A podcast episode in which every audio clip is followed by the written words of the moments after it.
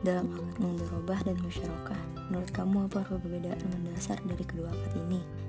Jelaskan berdasarkan fatwa, makosid syariah, dan praktek studi kasus. Menurut fatwa DSN MUI nomor 7 garing DSN MUI garing 4 Romawi garing 2000 tentang mudorobah dan menurut fatwa DSN MUI nomor 8 garing DSN MUI garing 4 garing 2000 tentang musyarakah yang mana perbedaan antara kedua fatwa ini dalam akad mudorobah Sahibul Mal menyediakan seluruh dana yang dibutuhkan oleh mutorib sedangkan dalam akad musyarakah kedua belah pihak ikut andil dalam permodalan.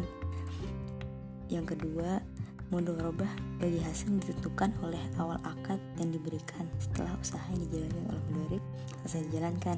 Sedangkan dalam musyarakah porsi nisbah bagi hasil yang diperoleh sangat ditentukan dari besar kecilnya modal yang dikeluarkan di awal. Yang ketiga mudorobah kerugian ditanggung oleh sahibul mal. Selama kerugian tersebut bukan disebabkan oleh klien dari pihak mudorib. Sedangkan dalam musyarakah kedua pihak sama-sama menanggung kerugian tersebut.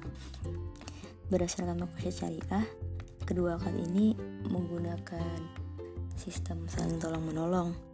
Dalam implementasinya mengedepankan prinsip yang mana bagi hasil seluruh pihak yang terkait tidak akan ada yang merasa diuntungkan ataupun dirugikan, melainkan sesuai dengan proporsi yang sudah ditentukan. Praktek studi kasus untuk akad mudorobah. Pak Amir mempunyai modal sebesar 10 juta, sedangkan Pak Umar tidak memiliki modal sepeser pun, melainkan masih punya kekuatan untuk bekerja. Nah, antara Pak Amir dan Pak Umar melakukan kerjasama dengan menggunakan akad mudharabah, yang mana Pak Amir selaku pemberi modal dan Pak Umar selaku pengelola modal. Untuk proporsi hasilnya disepakati di awal perjanjian oleh kedua pihak. Tetapi untuk kerugiannya ditanggung oleh Pak Amir selaku pemberi modal selama kerugian tersebut bukan kelalaian dari Pak Umar sebagai pengelola. Untuk contoh dari akad musyarakah, Ibu Eka dan Ibu Rima mempunyai hobi yang sama yaitu suka membuat kue. Nah, mereka berdua sepakat untuk membuat toko kue bareng-bareng dengan menggunakan modal dari Bu Eka sebesar 2 juta dan Bu Rima sebesar 3 juta.